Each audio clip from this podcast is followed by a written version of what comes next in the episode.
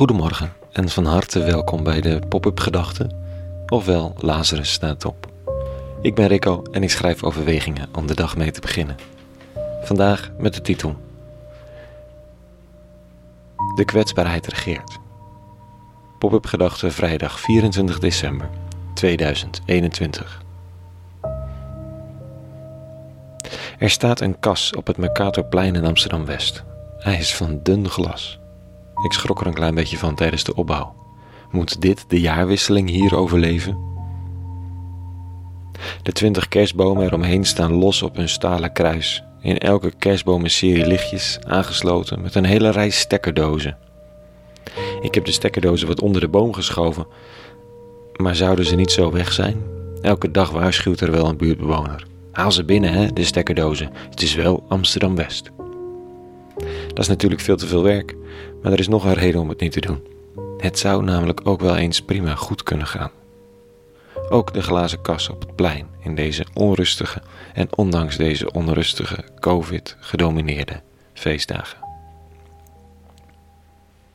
Er komen drie jochies aanlopen. Anita, mijn partner in crime in deze, spreekt ze aan. Of ze ook zin hebben om een kaarsje te branden, want daar is de kas voor bedoeld. Een plek voor rouw, verdriet, gemis. Een publieke, transparante kapel. Zij reageren eerst lacherig, dan meer geïnteresseerd als ze vraagt of ze iemand missen of verloren zijn. Opa, iets. En dan zegt er een: Ik weet wel iemand. Wie dan? Peter de Vries, zegt hij. Ja, dat zou ik doen. En dan begint hij volgens een stoer verhaal over zijn vader die het vaak over hem had. Een ander onderbreekt hem met een eigen verhaal en voor je het weet zijn ze al stoeiend en voetballend weer verdwenen. Tien minuten later komt de jongen in zijn eentje terug. Ik wil toch wel echt graag een kaarsje aansteken voor Peter R. Vries. Hij gaat naar binnen, blijft even weg en zegt als hij naar buiten komt: Ik heb er toch maar gelijk acht aangestoken, mevrouw. Ook voor iedereen van mijn gezin eentje. Het is een komen en gaan van mensen met tranen in hun ogen en verdrietige en opgeluchte harten. Van mensen die ruimte ervaren voor hun verdriet. We staan erbij en kijken ernaar. Het is niet veel, een kwetsbaar glazen huis en een uitnodiging.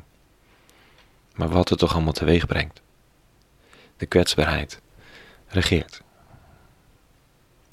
Twee dagen geleden kregen we bericht dat drie zussen die gezocht werden door de Taliban in Afghanistan en hun gezin nog mee konden met een in het diepst geheim georganiseerde evacuatievlucht ergens begin volgend jaar. Er was alleen geld nodig.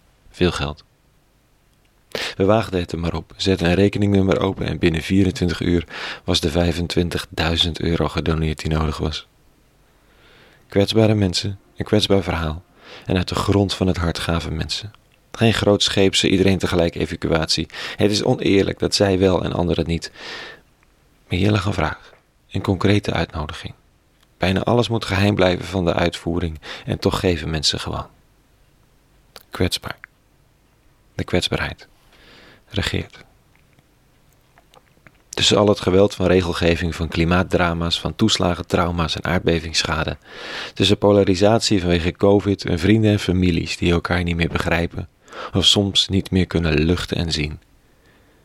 Daartussen regeert de kwetsbaarheid als bloeiend onkruid op een verharde weg, steeds weer tussen de stenen door, krachtig, onuitroeibaar, helend. Dit lees ik vanochtend in de Bijbelteksten van de dag. Alle dreunend stampende laarzen en met bloed doordrenkte mantels worden verbrand en verteerd door het vuur. Een kind is ons geboren, een zoon is ons gegeven. De heerschappij rust op zijn schouders. De kwetsbaarheid regeert. Een kind is ons geboren, klaar met laarzen en mantels, al zijn er nog zoveel. Daartussen leeft en werkt en groeit schoonheid, kwetsbaarheid, liefde. Misschien niet succesvol op wereldschaal, maar altijd aanwezig. Dit is de laatste pop-up gedachte van het jaar 2021. In 2022 ben ik er graag weer, zo ergens tweede week van januari. Ik ben dankbaar voor al die luisteraars en lezers, voor de reacties en de betrokkenheid. En dan maar op naar een nieuw jaar. Mm, en voor nu, vrede deze dagen. Te bidden van alles wat er ook speelt. Vrede en alle goeds.